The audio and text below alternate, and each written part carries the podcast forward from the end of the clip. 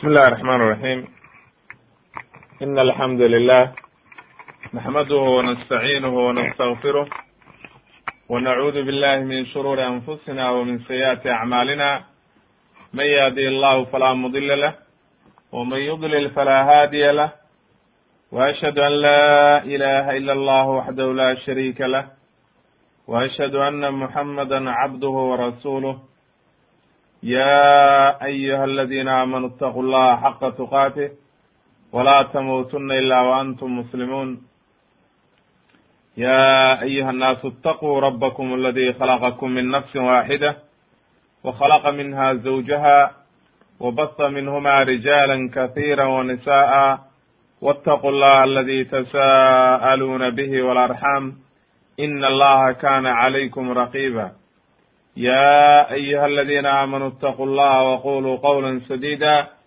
يصلح لكم أعمالكم ويغفر لكم ذنوبكم ومن يطيع الله ورسوله فقد فاز فوزا عظيما أما بعد فإن أصدق الحديث كلام الله وخير الهدي هدي محمد صلى الله عليه وسلم وشر الأمور محدثاتها وكل محدثة بدعة وكل بدعة ضلالة wa kula dalaalatin fi nnaar insha allahu tabaaraka wa tacaala haddii rabbi idmo silsilatu qasas alambiyaa waa inoogu dambeysay nabiyullahi dilkifli qisadiisii.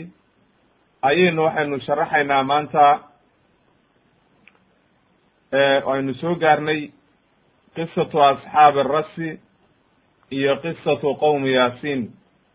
Labadaas arrimood ayaynu sharaxaynaa in sha allahu tabaaraka wa tacaala haddii rabidno waxa uu leeyahay qaala allahu tacala ilahi waxa uu yihi walaqad aataynaa muusa alkitaaba min bacdi ma ahlakna alquruna alأulى basaa'ira linnaasi wahudan waraxmata lacalahum yatadakkaruun.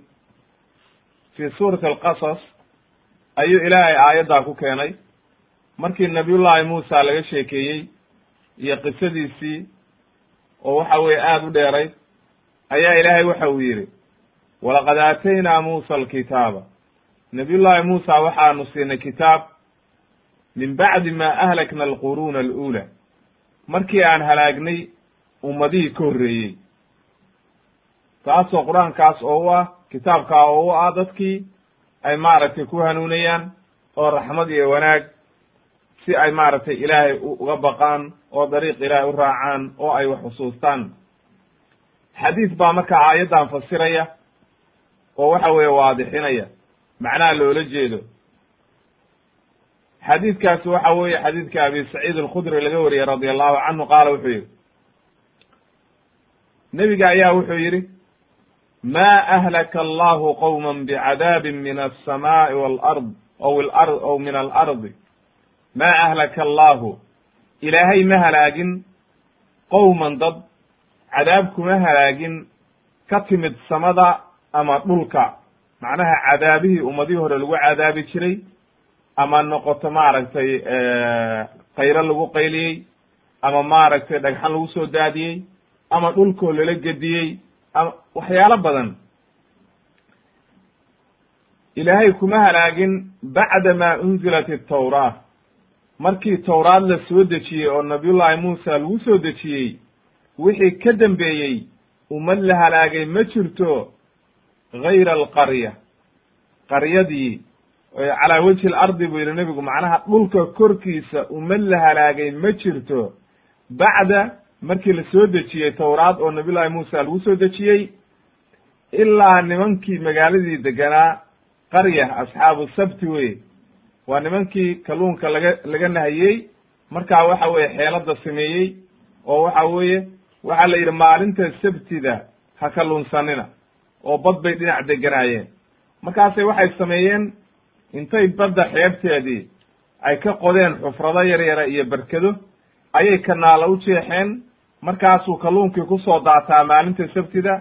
Markaasay yidhahdaan axaddaan la baxaynaa khiyaanay marka sameeyeen markay khiyaanadaas sameeyeen marka ayaa ilaahay markaa ku ciqaabay oo la halaagay oo loo bedelay qiradatan wa khanaaziir marka wuxuu leeyahy nebiga calayhi salaatu wasalaam magaaladaas dadkii deganaa oo loo bedelay daanyeero mooye qolo kale oo la halaagay ma jirto bacda ma unzilat itawraat macnaha halkaa xadiidku marka wuxuu nebigu akriyay markaa aayadda qur'aanka walaqad aataynaa muusa alkitaaba min bacdi ma ahlakna alquruuna alula xadiidku marka wuxuu fasirayaa aayadda oo aayaddaasoo macnaheedu noqonayo nebiyullaahi muusa calayhi salaam ummadihii la halaagay oo dhan nebiyullaahi muusa waa ka horreeye ilaa magaaladaa mooye dadko dadkeedii daanyeerada laga dhigay mooye xadiidkuna waa xadiis saxiixa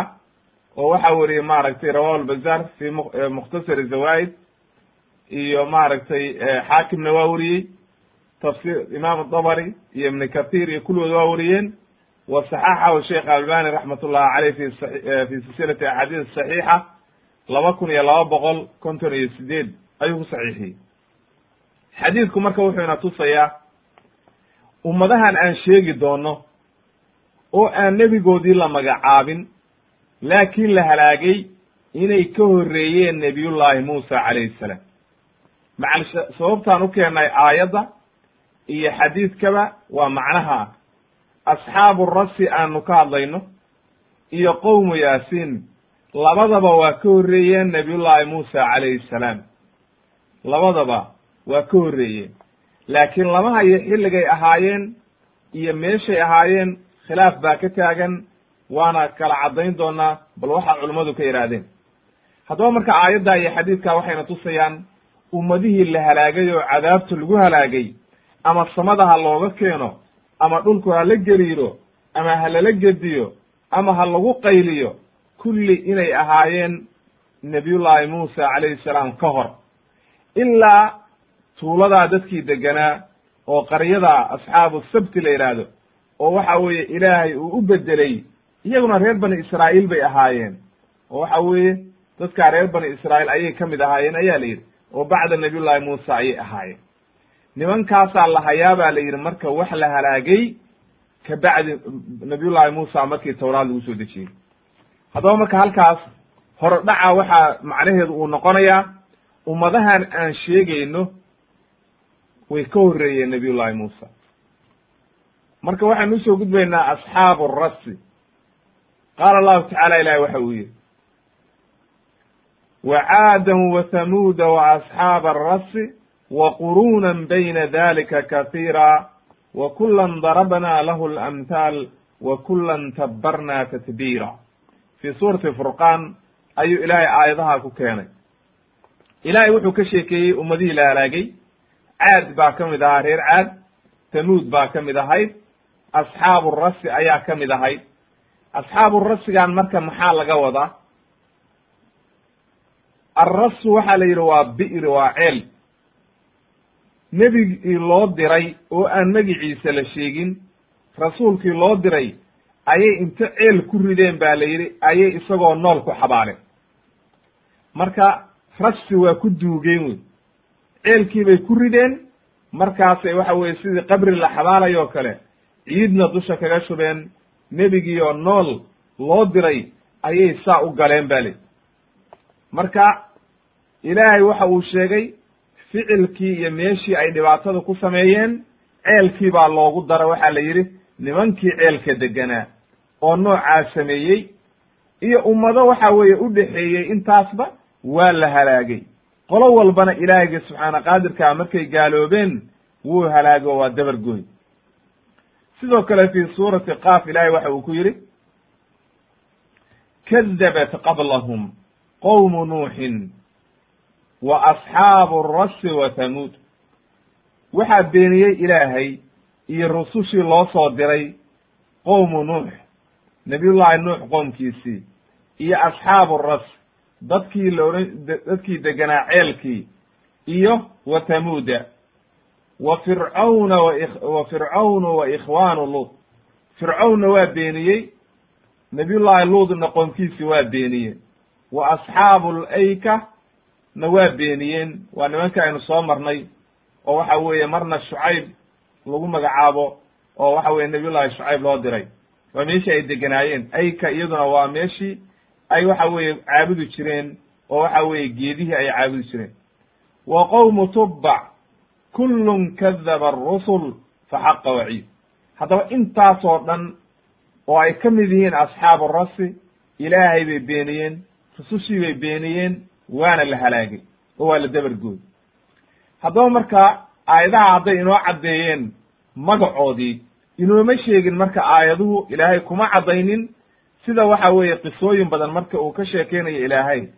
Qoomkay ahaayeen iyo xilligay ahaayeen iyo kulli la sheego halkaan la inooguma sheegin. Haddaba aqwaasha culummadaynu u imaanaynaa iyo dadkaani xaggee bay ahaayeen waktigee bayse ahaayeen. Ikhtalafa ahlulcilm culimmadu waa isku khilaafeen. Fii makaanihim wa zamaanihim. Meeshay deganaayeen iyo xilligay ahaayeen labadaba waa la isku khilaafay ibnu kathiir waxau yidhi raximahullah imaam ibnu kathiir siyaaqa aayaduhu wuxuu kutusayaa in la halaagay oo la dabar gooyey oo waxa weye arrintaasina markaa waxay keenaysaa inay ka horreeyeen nabiyullaahi muuse calayhi salaam. Leanno ilaahay waatuu yidhi ma maaragtay min bacdi ma ahlakna alquruuna alula marka ummadihii ka horreeyey nabiyullaahi muusa inay yihiin ayay ku caddaynayaan aayadu oo daahirkooda laga fahmaya arrintaasna wuxuu ku radiyey oo ku diiday ibnu kathiir qowl uu leeyahay imaamu maaragtay ibnu jariir. Ayaa wuxuu leeyahay nimankan la yidhahdo asxaabu rasi waa nimanka asxaabu lukhduud la yidhahdo oo fi suurati wasamaai dati lburuuj ay ka sheekaysay. Marka arrintaasina suurtagal ma oo waxa weye waa qowlkaasi qowlaan saxiix ahayn wey liannahu nimanka la yidhaahdo asxaabu lukhduud waxay ahaayeen bacda nabiyullahi ciisa calayhi salaam oo nasaaray ahaayeen leannahu ruhbaan baa ku jirtay oo waxa weeye ninka dhan oo waxa weeye raahib buu ahaa sida nebigu ku caddeeyey ninka dhan oo arrinta bilaabay oo wiilkii wax baray ay arrintu ka kacday waana inoo imaan doontaa qisadoodu waxay ahaayeen maaragtay nin raahiba ayuu ahaa ruhbaaniyadana waxaa bilaabay qoomkii nabiyullaahi ciisa rumeeyey oo ansaartaa ayaa bilaabay wa ruhbaaniyatan ibtadacuuha waatuu yidhi lah iyaga ayaa soo bidcaystay ruhbaantaa meesha gelaya oo waxa weeye meel cidlaa ilaahay ku caabudaya oo adduunyada ka go'aya oo aan guursanaynin waxaa iyagaa bidcaystay. Oo baadiyarada waxa ruhbaanta ay sheeganayaan. Haddaba marka culimmadu waxay u badan yihiin in badanna ay sida ibnu kathiir iyo rag badan ay leeyihiin inay ahaayeen qoom ka horreeyey nabiyullaahi muusa ilaah baana garanaya xilligay ahaayeen. Qowl baa laga warinaya cabdullahi ibnu cabaas ibnu jariir uu ka wariyey. Uu leeyahay waxay ahaayeen asxaabu rasi ahlu qaryatin min qura tamuud nimankii reer tamuud oo aynu soo marnay oo waxa weeye nabiyullaahi saalex loo diray oo eriyadaa deganaa oo la halaagay qayb ka mida magaalo ka mida dadkaas ayay ahaayeen ba la yidhi. Oo waxa weeye markaas aan nabiyullaahi saalex loo dirine o nebi kale loo diray oo markaa ay beeniyeen markaasay la halaagay.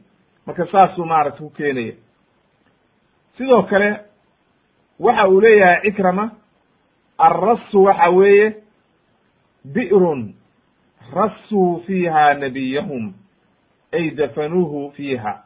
Waxa weeye bir rasigu waa ceel weyn. Marka rasu ay macnaha way ku duugeen oo way ku xabaaleen nebigoodii inta ku rideen loo diray markay beeniyeen oo ay ku gaaloobeen ayay haddana ku rideen halkaa.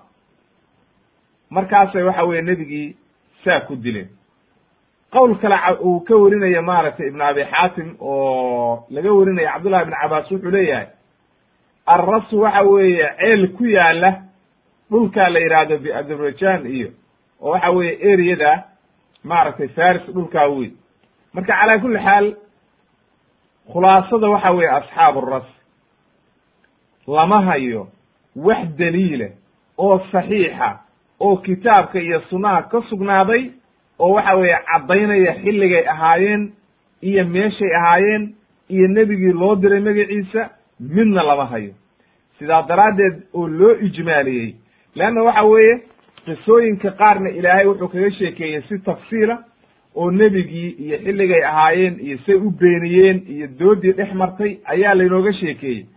Qaarna waa la ijmaaliyey oo waxa weeye si guud baa laynoogu sheegay. Waxaa layna yidhi qoomkaana waa jireen waana la halaagay laakiin laynooma tafsiilin. Haddaan marka mar laynoo tafsiilin sidaasaan uga gudbaynaa inaguna oo waxa weye u daynaynaa oo aan leenaha ilaahayba allah ayaa garanaya xilligay ahaayeen iyo waxa weeye nebigii loo diray waxaan u soo gudbaynaa qowm qisatu qowmu yaasiin. Waa qisada labaad oo aynu ka sheekeynayna maanta. Qowmu yaasiin ilaahay aayado qur'aan uu kaga sheekeeyey fi suurati yaasiin. Ilahay wuxuu yidhi wadrib lahum matala asxaaba alqarya id jaa'aha almursaluun. U tusaale u sii baa la yidhi. Dardigu waa tusaalaha u sii matel iyo tusaale qurayshtan hadda gaaloobaysa oo arrintaa keenaysa macnaha nimankii loo diray asxaabu alqari asxaab alqarya ay macnaha qaryadii magaaladii nimankii deganaa way u yimaadeen rusushii id arsalnaa ilayhim ithnayni fakadabuuhuma facazazna bithalitin faqaaluu ina ilaykum mursaluun ilahay wuxuu inoo sheegay in laba laba rasuul loo diray markii hore. Haddana markaa mid kale laga dabageeyey saddex rasuul in loo diray magaaladaas oo markaas ay yidhaahdeen war waxaan nahay rusul ilaahay noo kiin soo diray.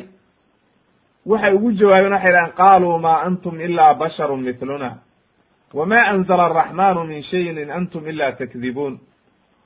Laba arrimood bay keeneen oo waxay yidhaahdeen horta mar annagoo kalea tihin oo bashar baa tihin ee macnaha ma la soo diray malaa'ig maxaa annagana lakuntii soo diray haddana idinkaa been sheegaya ilaahay waxba idinkuma soo dejin rusulna ma tiidin been lowyaal baa tihin waa beeniyeen.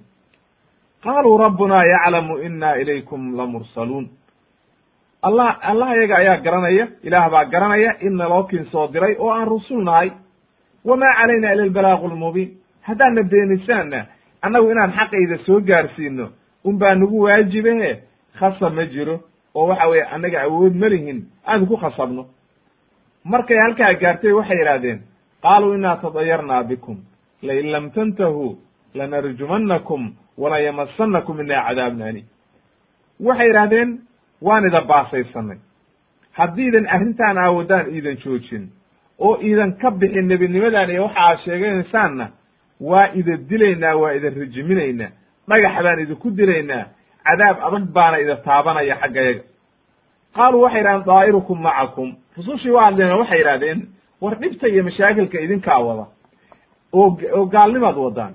Annagu diin baan idii keennay oo waxa weeye ain dukirtum bal antum qowmu musrifuun.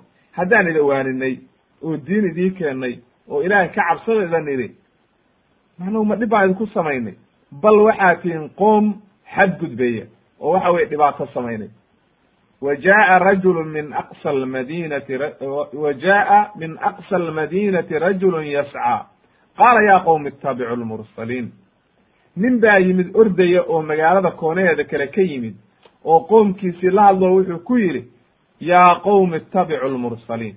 War rususha raaca qoomkaygiyow tolkayow rususha rumeeya oo raaca ayuu ku yidhi. Itabicuu man laa yas'alukum ajran wahum muhtaduun waxaad raacdaan rusul hanuunsan oo aan xoolayda ka rabin waxna idinka doonaynin. Raaca rususha caqiidadiisii uu markaa caddeeyey isagu iyo imaamkiisiiyo wuxuu yidhi wama liya laa acbudu aladii fadaranii wa ilayhi turjacuun maxaa aniga iigu sugan oo aan u caabudi waaye allihii ii abuuray oo xaggiisana laydii celinayo? Allihii aniga i abuuray. Waa kelimatu laa ilaha ila allah ayuu ku dhawaaqay. Tawxiidkii buu la yimid innii aamantu birabbikum fasmacuun anigu ilaahay baan rumeeyey dhegaysta buu yidhi. Marka kelimaddaa hadhow baynu sheegaynaa ma waxaa laga wadaa laba macnay xambaarsan tahay oo culummadu ku fasireen? Ma waxaa laga wadaa fasmacuun ay rusushiiow aniga i dhegaysta aniga waan rumeeyey. Al ilaahay wuxuu soo diray. Ilaahay xaggiina iga markhaanti noqda inaan mu'min nahay. Mise waxaa laga wadaa inuu leeyahay qoomkaygiiow i dhegaysta tolow anigu ilaahay baan rumeeyey waxaad wadaanna beri baan ka ahay ee arrintayda ogaadoo maqlad inaan ku dhawaaqay tawxiidkii.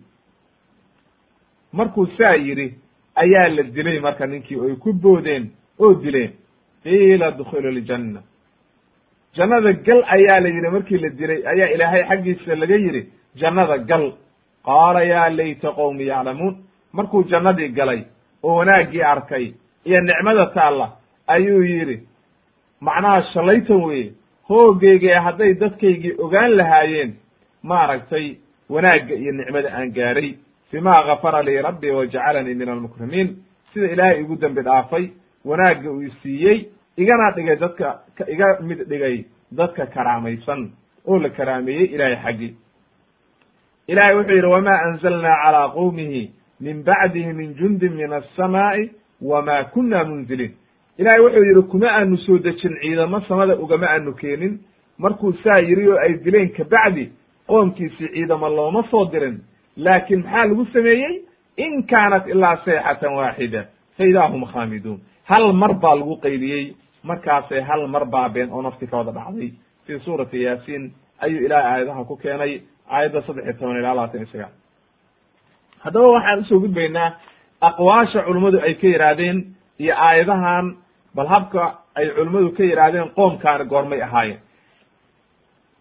Ikhtilaafu ahli lcilmi fi asxaabi yaasiin zamanan wa makaanan. Haddana culummadu isku khilaafeen dadkaani xilligee bay ahaayeen eriyadee bayse deganaayeen labadaba waa la isku khilaafay qaala ibnu kathiir wuxuu yidhi raximahullah culummada culummadu say u badan yihiin oo waxa weeye culamaau salaf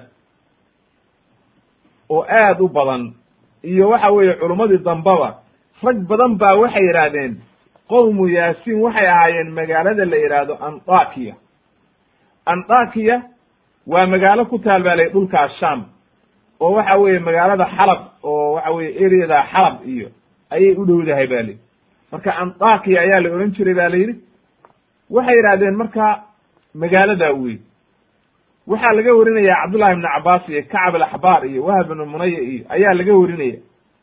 Haddaba markaa in badan oo rag badan baa laga warinayaa inay noocaa yidhaahdeen qataada iyo cikrama iyo zuhri iyo ayaa laga warinaya. Waxay leeyihiin marka cabdullahi ibnu cabaas iyo sidoo kale laga warinayaa kacab iyo meleg baa haystay nin boqoraa haystay. Magaciisana waxaa la ohan jiray an andikis ibnu andikis ayaa la ohan jiray. Sramye ayay caabudi jireen. Fabacata allahu ilayhi halaathata min arusul ilaahay waxa u diray saddex rasuul ayaa loo diray. Magacyadoodana waxaa la ohan jiray bay yidhahdeen saadiq wa masduuq wa shaluum. Way beenayeen markaa daahirka marka asarka aahaartaa waxay kutusaysaa in kasta oo ay tahay aqwaashii laga soo guray kutubtii reer bani israa'iil. Oo daahirka ay waxa weye arrintan adila kuma sugnaanin leanno waxa weeye arrintaani waa arrin cilmi geyba xilligay ahaayeen lainooma sheegin waktigay ahaynna lama sheegin aqwaashan marka waxaa laga keenay waa bani israailiyaad wey waa kuwuu nebigu yidhi laa tusadiquuhum walaa tukadibuuhum. Ha beeninina hana rumaysanina. Marka waxa weeye aqwaashaasi waxay kutusayaan in ay ahaayeen rusul ilaahay xaggii laga soo diray aayaddayna ku cadda. Oo aayadda waxaa ku cad inuu ilaahay yidhi id arsalnaa ilayhim itnayni fakadabuuhuma facazazna bithalitin faqaaluu ina ilaykum mursaluun. Ilaahay aayaddiisay ku caddahay inay rusul ilaahay u diray ahaayeen. Laakiin qataata ayaa wuxuu leeyahay waxa ay ahaayeen rusushii uu u diray nimankii uu diray nimankaani waxay ahaayeen buu yidhi xilligii nabiyullaahi ciisa antakiya magaalada la yidhaahdo ayaa nabiyullaahi ciisa wuxuu u diray saddex nin oo xawaariyiina laba nin buu markii hore u diray haddana mid buu ka sii daba diray. Saddex xawaariyiin ayay ahaayeen ee rusul ilaahay xaggii laga soo diray ma ahayne waxaa diray buu leeyahay oo aayadahan ay ka sheekeynayaan waa nimankii xawaariyiinta ahaa oo nabiyullahi ciisa u diray. Antakiya magaalada la yihahdo qowlkaa marka waa qowl daciifa. Sida ibnu kathiir uu caddaynayo waa daciif jiddan wey leannahu sababtu waxa weeye antakiya magaalada la yidhaahdo nabiyullaahi ciisa markuu u diray saddexda nin waa rumeeye marka laba qowl baa isdhex gashay. Antakiya waxaa la yidhi waa magaaladii ugu horreysay oo rumaysay nebiyullaahi ciisa. Walam yuhliku lamana halaagin.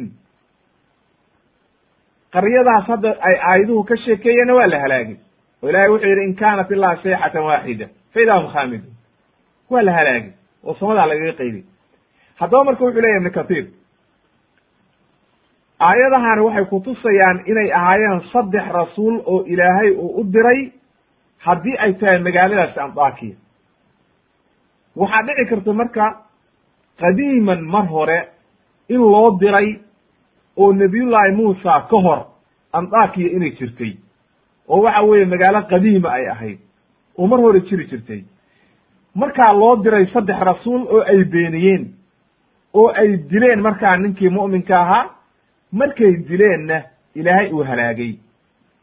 Kabacdi markaa muddo dambe ay magaaladii haddana camirantay oo dib loo degay oo ay timid markaa noqotay haddana magaalo dambe. Markay kabacdi magaalo noqotay oo camirantay inay waktigii nebiyullaahi ciisa markaa mar labaad loo diray oo nebiyullaahi ciisa u diray xawaariyiintii oo markaa ay rumeeyeen oo aan la halaagin. Taa waa suurtagal buu yidhi ibnu kathiir laakiin suurtagal ma aha in la yidhaahdo antakiya oo xawaariyiin loo diray oo aan la halaagin oo waxa weye rumeeyeen nebiyullaahi ciisa. Suurtagal ma aha in la yidhaahdo waxa ay ahayd kuwaa ilaahay uu yidhi in kaanat ilaa sayxatan waaxida.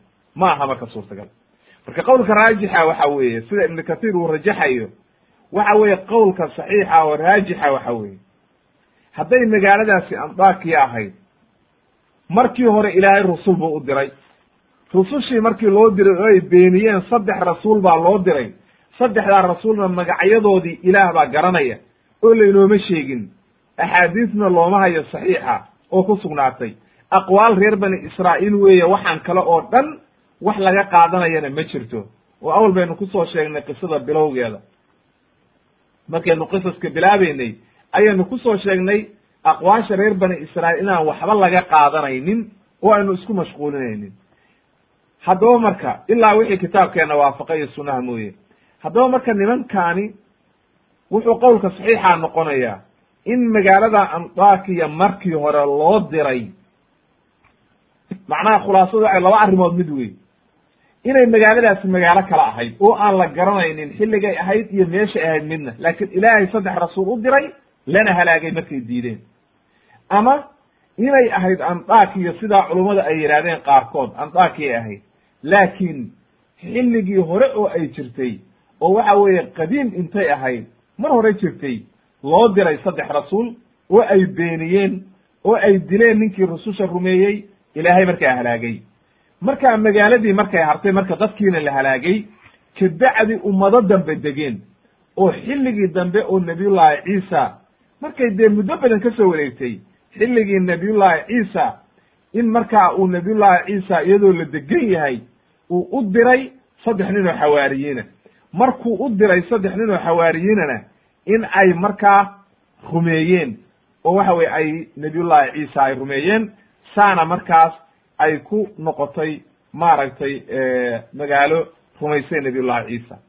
Qowlkaa marka ayaa khulaasadiisu noqonaysa arrinta waxaynu u soo gudbaynaa marka bal kayfiyadii iyo habkii ay u beeniyeen oo aayaduhu ay inoo sharaxeen baynu tafsiilinaynaa waa qodobka la saddexaad odhanaya asxaabu yaasin yukadibuuna arusul wa yuhadiduunahum iyagii oo beeniyey rusushii haddana u dhaaranaya oo dhaaya waa ina dilaynaa baynu halkan ku tafsiilinayna. Ilaahay waxa uu yidhi markuu ilaah inooga sheekeeyey wadrib lahum matlan asxaaba alqarya id jaaha almursaluun. Id arsalnaa ilayhim itnayni fakadabuuhuma facazazna bithalitin ay macnaha waxaan ku adkayna markii hore laba rasuul baa loo diray. Labadii rasuul markay beeniyeen ayaa mid saddexaad looga dabageeyey. Markaasay isagiina beeniyeen oo yidhaahdeen waxaa rusultihiin ma jirto. Rusushii waa hadleen oo waxay yidhahdeen innaa ilaykum mursaluun. Waana wokin soo diray. Faradduu calayh waa ku waa ku radiyeen oo waa ku diideen. Oo waxay yidhahdeen ma jirto rusulna ma tiidin. Maxay u deliishadeen marka? Labadii qodob oo aynu awal soo sheegnay oo ahaa rasuul kasta in lagu beeninayo oo ay leeyihiin bashar baa tihin annagoo kala dad baa tihin. Maxaad u noqon weydeen haddaad rasul tihiin maaragtay malaa'ig maxaa u noqon weydeen. Sidii ay u lahaayeen maaragtay ummad walba oo hore gaalo ah ay rusushooda u beeninayeen. Iyo iyaga oo maaragtay diiday inay waxa weeye ilaahayba soo diray oo yidhi been baad sheegaysaa markaasay rusushu u jawaabeen oo waxay idhahdeen war annagu rasul ilaahay soo diray baana. Haddii aanu ilaahay ku been abuurannana ilaahay subxaana qaadirka isaga ayaa na ciqaabi lahaa oo na dili lahaa oo dhibaato nagu samayn lahaa cid naga celinaysana ma jirto. Laakiin wamaa calayna ila albalaagu lmubiin haddaadna beeniseen annaga dushayada waxaa ah inaanu xaqayda soo gaarsiino ee inaanu ida khasabna idinkuma nihin oo annagu xaqaan ida soo gaarsiinaynaa idinku ama qaata ama ha qaadanina. Qof walba oo daaciyana waa nooca.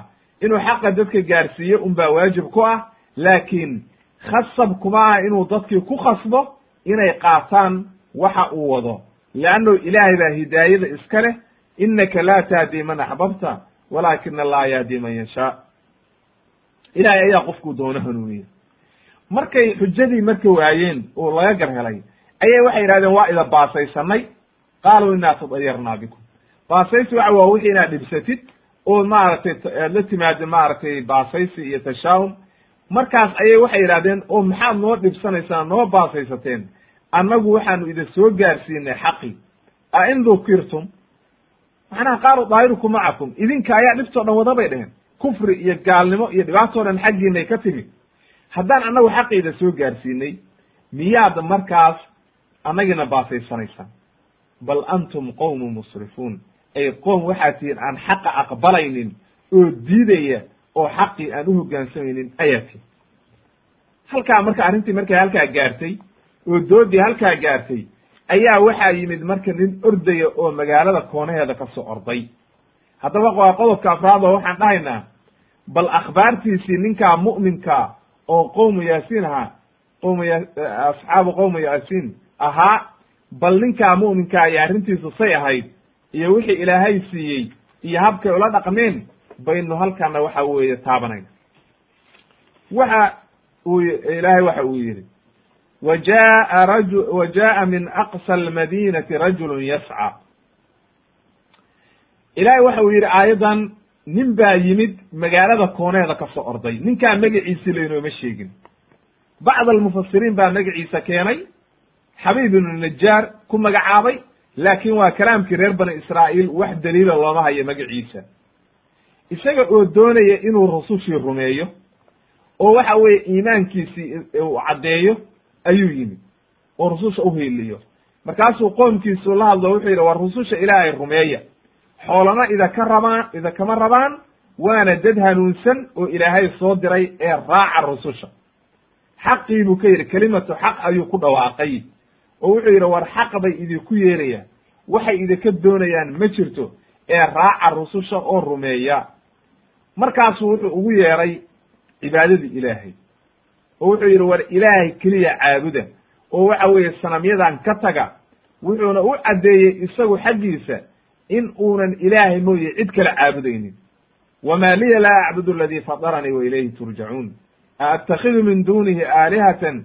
In yuridni araxmanu bidurin laa tugni canii shafaacatuhum shayئa walaa yunqiduun inii idan la fii dalaalin mubiin. Caqiidadiisi buu caddeeyey qofka mu'minkaana waxaa la rabaa inuu caqiidadiisa waadix ka dhigo oo uu caddeeyo oo yidhaahdo aniga caqiidadaydii wataa dariiqaasaan marayaa waa caddahay caqiidadaydii halkaa ayuu marka caqiidadiisii ku caddeeyey oo waxa uu yidhi anigu allihii abuurtay baan caabudaya shirkigan iyo waxaana beri baan ka ahay shaqana kuma lihi.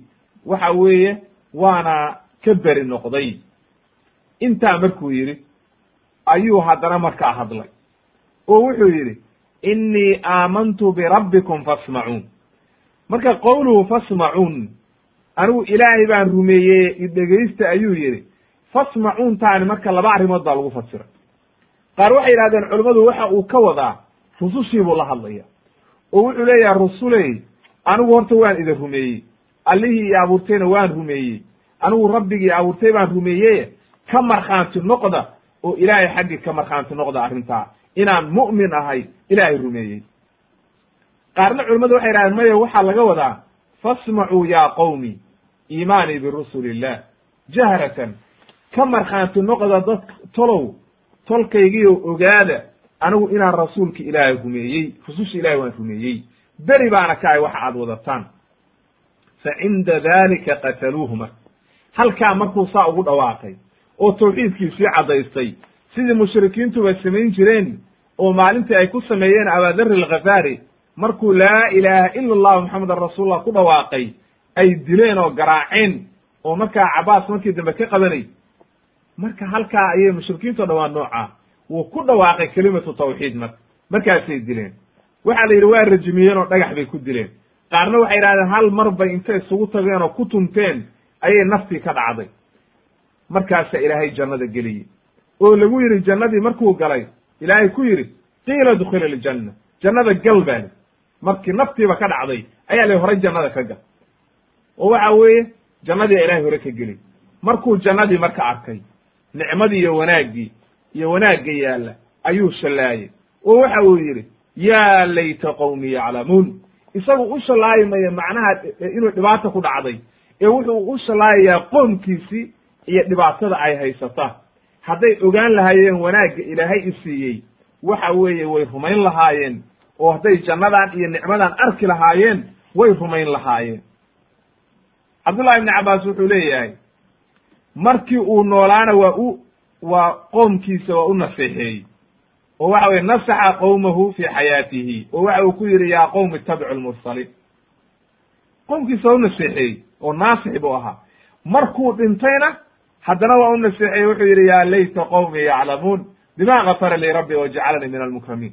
Marka waxa weeye qofka mu'minkaa waxaa la rabaa daa'iman inuu naasix noqdo dadkiisa u naseexaynaya sida qataata uu leeyahay raximahullah wuxuu yidhi qofka mu'minkaahi daa'iman waa naasix wey khaa'in ma aha.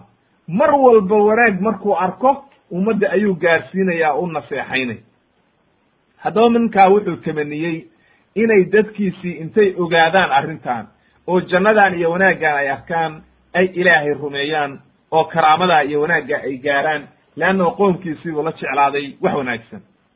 Halkaa marka ninkaasi waa dhintay jannadii baana ilaahay geeyey.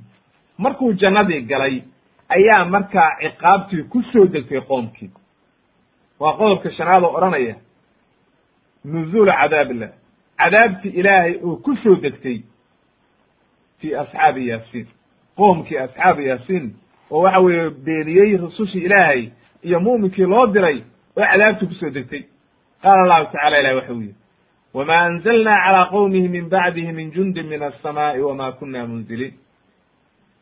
Waxa weye macnaha aayaddan waxay yidhahdeen culammadu sida ibnu katiir iyo ay macnaha ilaahay wuxuu yidhi uma aanu baahan halaagii la halaagayey inaanu rusul u soo di inaanu ciidan cirka uga soo dirno oo ciidan soo jamcino oo waxa weye ciidankeenno looma baahan. Leanna ilaahay uma baahna kun fa yakun baa ku filan wax walba. Marka laakin maxaa lagu sameeyey? In kaanat ilaa sayxatan waaxida fa idaa hum khaamiduun. Hal mar ayaa lagu qayliyey markaasaa la halaagay. Wuxuu leeyahay ibnu kathiir raximahullah mufasiriintu waxay yidhahdeen ilaahay wuxuu u soo diray jibriil. Magaaladii ay deganaayeen magaalooyinku berigii hore waxay lahaan jireen meel laga soo galo. Albaab bay lahaan jireen albaabkaasaa laga soo geli jiray oo colaado iyo waxbaa jiray oo waxa weye magaaladu albaaba laga soo gelay lahaan jir. Albaabkii laga soo geli jiray ayaa jibriil yimid. Markaasuu wuxuu qabtay albaabka labadii dhinac uu saa u qabtay oo hal mar ku qayliyey markaa markaasay hal mar inta wada dhegihii dilaaceen oo naftii ka dhacday ayay hal mar wada suuxeen oo naftii ka dhacday oo baabeen in kaanat ilaa sayxatan waaxida fa idaa hum khaamiduun ay macnaha khaamidun ay ukhmidat aswaatuhum khamdigu waxa weye markii qofku sawdkii joojiyo oo hadal joojiyo alxamdulilah markuu sawdkiiba joojiyeen oo waa aamuseen wasakanat xarakaatuhum wax dhaqdhaqaaqayana waa la waayey walam yabqa minhum axad wax ka harayna ma jira oo waa baabeen marka. Haddaba nimankaas saasaa loo halaagay wuxuu yidhi marka ibnu kathiir arrintaa waxay kutusaysaa inayna nimankaas la halaagay aynan ahayn qoomkii nabiyullahi ciisa. Leannahu ilaahay waxa uu yidhi maaragtay ba markii la siiyey nabiyullahi nabiyullaahi muusa tawraad kabacdi ummad la halaagay oo dambe oo samada cadaab uga yimid. Ma jiro sida nebigu inoo caddeeyey ilaa asxaabu sabti mooye sidaa daraaddeed marka qoomkaani waxa ay ahaayeen qabla muusa calayhi salaam. Haddii ay andaakiya deganaayeen iyo haddaynanba deganaynba waxay ahaayeen qabla muusa calayhi salaam ayay ahaayeen. Khulaasadeeduna marka waa nooca inay waktigaa ahaayeen. Oo waxa weeye ay andakiya ama ha deganaayeen ama ya deganaan. Rusushii loo dirayna magacooda laynooma sheegin. Ma garanayno marka walcilmu cind allah ilah baa garanay qodobka lixaad oo ugu dambeeya waxa weeye dikru khabarin laa yasix fi mu'mini asxaabi yaasiin. Waxa aan sheegaynaa meeshaan ku sheegayna xadiis daciifa ama culummada qaar yidhahdeen waaba mawduuc oo waa been oo waxa weeye nin shiiciya oo waxa weeye min khulaati shiica ka mid a oo beenlow ah uu dejiyey oo aad ku arkaysid mufasiriin badani inay deliishadeen oo qaar xoogaa ay soo dhoweeyeen imaamu dabraani baa wuxuu warinaya xadiis uu ka warinayo xusein al ashqar ninkaasi waa shiici wey oo min khulaati shiica ka mid a. Can sufyaan ibni cuyeyne wuxuu ka wariyey sufyaanna wuxuu ka warinaya can ibn abi najiix can mujaahid can ibni cabaas can inabiy sala allahu alay wasalam waa sanadka xadiidka. Nebigaa wuxuu yidhi bay dhaheen asubaqu halaath dadka horay u maray oo u degdegay rusushii inay rumeeyaan saddex baa ka mid a fasaabiqu ilaa muusa ninkii muusa u degdegay wuxuu ahaa yuushac ibnu nun ayuu ahaa oo nabiyullaahi ciisa muusa ayuu horay ka rumeeyey wasaabiqu ilaa ciisa saaxibu yaasiin waa macal shaahidkeenna marka qisadan ay ka khusayso wuxuu yidhi ninkii nabiyullahi ciisa u degdegayna wuxuu ahaa ninkii qowmu yaasiin. Nabiyullaahi maxamedna waxa u degdegay oo horay ka rumeeyey cali bna abi aalib marka ninkan shiicigaah wuxuu xadiidka u samaynayaa waa cali darti. Oo cali buu rabaa inuu manzile sare gaarsiiyo. Laakin waa beentiis weeye oo waa xadiis daciifa. Rawahu dabrani ayaa weriyey iyo ibnu mardawe iyo waxa weye maratay cuqaylina fi ducafaa ayuu ku wariyey wa qaala alcuqayliyu laa asla lahu can ibni cuyeyna xadiidkaani wax asala male oo ibnu cuyeyna shaqo kuma le sidoo kale ibn haythami waxa uu yihi fi mujmac zawaid xusein ibn ibn xasan alashqar ayaa ku jira. Qaar baa culimada soo dhoweeyey sida ibn xibaan oo kale iyo laakin dacafahu ljumhuur waa daciifiyeen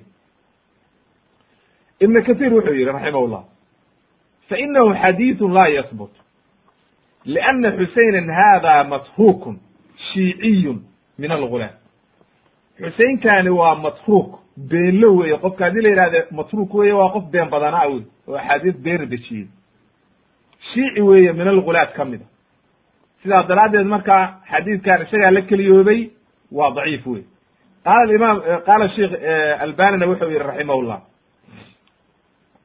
fi silsilati axaadiis daciifa uu ku yihi mujalada koowaad raqamka saddex boqol konton iyo sideed wa hada sanadun daciifun jiddan. Aad buu daciif u yahay bu yihi fain lam yakun mawduucan hadduuna mawduuc ahayn waa daciif jiddan. Marka daciif jiddanna waa sanad aad u liita oo beenlow iyo waxbaa ku jira nin laga shakisan yahay. Mawduucuna waa xadiid nin beenlowa uu ku jiro. Haddaba marka xadiidkaasi ma sugna oo waa been mana la qaadanayo maaragtay mana kutusayo inuu waxa weeye ahaa ninkaasi qowmu yaasiin inuu ahaa nabiyullahi ciisa waktigiisii waxba laga qaadan mayo. Waa xadiid mawduuca wey waa in la iska jiro oo beena. Gebagabada waxaan ka soo qaadanaynaa marka khulaasadan arrintan qowmu yaasiin khulaasadeedu waxa weeye sidaynu soo sheegnay ilaah baa garanaya xilligay ahaayeen meeshii ay deganaayeenna ilaah baa garanaya. Nebiyadii loo diray magacyadoodiina ilaah baa garanaya. Saddex rasuul baa laakiin loo diray. Saddexdiina waa beeniyeen. Ninkii mu'minkaayoo rumeeyeyna waa dileen. Kabacdina markaa waa la halaagay. Ilaahay baana halaagay. Waxa weeye marka intaa ayay maaragtay khulaasadeedu noqonaysa. Fawaa'id ayaynu ka soo qaadanaynaa ugu dambayntii. Aynu dhowra ayaynu ka soo qaadanayna waxa ugu horeysa waxa wanaagsan istixbaabu darb lmathel in qofka tusaale la siiyo uu wax ku fahmi karo. Darbulmathel macnaheed waxa weeye in tusaale lagu siiyo wax aad garanaysid lagugu tusaaleeyo waxaadan garanaynin si aad u fahamtid. Aad baana luuqadda carabiga loo isticmaalaa. Qur'aankana aad bay ugu badan tahay. Wadrib lahum mathala alxayaati addunya wadrib lahum wadrib lahum aad bay ugu badan tahay. Wadaraba allahu mathalan qaryatan kanat aaminatan aad bay ugu badan tahay qur'aanka waxa midda labaad tashaabuhu xala lkufaar fi takdiibi walisraari fi kuli zamanin wa makan gaaladu iyo habka ay ilaahay u beeniyeen iyo inay isku mid yihiin. Xilli kasta ha ahaadeen iyo wakti kastoo ay joogaan gaalnimadoodiyo beenintooda waa isku mid waana waxa weye isku dariiq. Sababtaana waxaa keenaya baynu nidhi ibliis ayaa u wada waxyoonaya oo arrintan ka dambeeya.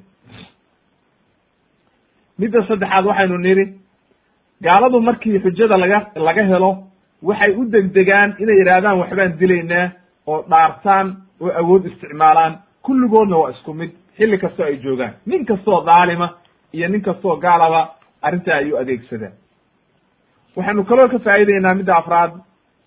Wujubu iblaaqi dacwati alxaqi wataxdiiru min ashirki mahma kana alcadaab. Dhibaatadu in kastoy la eg tahay xaqa in la gaarsiiyo dadka shirkigana looga digo dhib kastaba ha ku soo gaartee in ilaahay loogu sabro oo arrintaa la sameeyo. Midda shanaad waxaynu ka faa'ideynaa dadka ducaadu tawxiid iyo rusushii xaqa u yeerayay dhibaatada ay la kulmeen.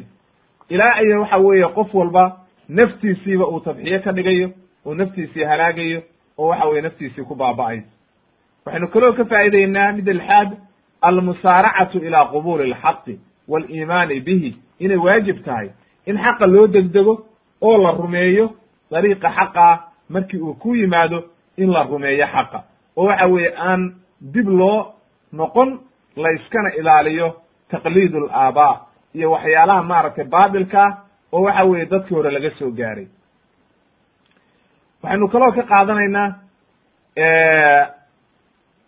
inay sida uu ilaahaygi subxaana qaadirka u karaameeyey man qutila liajli illah wa jazaahu cinda allahi aljanna qofkii ilaahay darti loo dilo oo xaq dariiqi xaqaa lagu dilo oo waxa weeye diintii isagoo difaacaya la dilo inay janno yahay masiirkiisu oo ilaahay uu janno geynayo ayaynu ka faa'ideynaa sida ninkaa loo galay oo kale oo waxa weye markuu ilaahay rumeeyey waxaynu ka faa'ideynaa bushra almu'min cinda almowt laa siyama ashahiid fa inahu yara aljanna ra'ya alcayn macnaha qofka mu'minkaa markii uu dhinto ilahay waa u bishaaraynaya malaa'igta ayaa u bishaaraynaysa.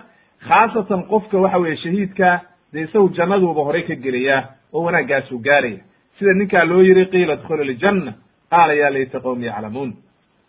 Waxaynu kaloo ka faa'ideynaa awoodda ilaahay sida ay u weyn tahay oo dadka dhaalimiinta ah ina ilaahaygi subxaana qaadirka ah hadduu doono inuu halaago inay wax yar ku filan tahay. Hal mar oo lagu qayliyey ayaa dhaalimiintii o dhan halaagtay markaa oo wada baabi'isay. Qiso walbana waa nooca oo waa soo marnay. Habka loo halaagayay awoodda ilahay si u weyn tahay.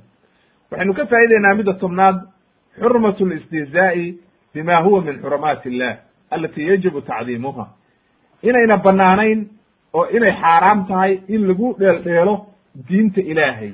Oo waxa weeye waxyaalaha ilaahay uu xaaraantinimeeyey oo waxa weeye diinta ilaahay inaad ku dheeldheeshid ama ku qosqoshishid ama sunnihii rususha ama dariiqoodii ama kitaabka qur'aanka inaan lagu dheeldheelin ayaynu ka qaadanaynaa hadday arrintaas timaado halaag baa ka imaanaya markaa waa khatar weeye. Waxaynu kaloo ka faa'ideynaa midda koob iyo tobnaad dalabu alcibra min akhbaari almaadin wa axwaalihim waalcaaqilu man ictabara bigayri in lagu cibro qaato waxyaalahan dhacaya oo waxa weye ummadihii hore iyo rusushoodii dhex maray in lagu cibro qaato. Oo qofku ku fekero oo uu is yidhaahdo war maadaama dhibaatada ay dhacday oo saa loo galay dadkii gaalada aha ilaahay caasiyey war haddaba digtoonow oo ilaahay rumee. Leanna culimmadu waxay yidhahdaan qofka caaqilka caqligale waxa weeye qofkii ku cibro qaatay qofkii kale oo dadka kale dhibaatada ku dhacday weeye. Midda ugu dambayso aynu ka faa'ideyna waxa weeye xurmatu tadayur watashaa'umu fi lislaam inayna banaanayn tadayurku waa baasaysigu ma banaana wixii ilaahay kuu qoray ma seegaysid. Waxaan marka ilaahay kugu qorinna kuguma dhacayso. Marka waa inaadan cidna baasaysan akhilmuslim oo uktilmuslima ood iska ilaalaysid. Baasaysigu aad buu uxun yahay waa caqiido xun weeye waana shirki. Intaa marka ayaan ku soo gebagabaynaynaa wax alla wixii khaladana ilahay baan uga tooba keenayaa wax alla wixii saxana rabbiga subxaana qaadirka ayaan ku maadinayaa. Wa subxaanaka allahuma wabixamdika ashhadu an laa ilaha illa anta astakfiruka wa atuubu ilayk walxamdu lilahi rabi alcaalamiin waxaana inoogu xigi doonta qisatu yunus calayhi salaam ayaynu maarata ku xijin doonaa haddii rabbi idmo. Wallahu aclam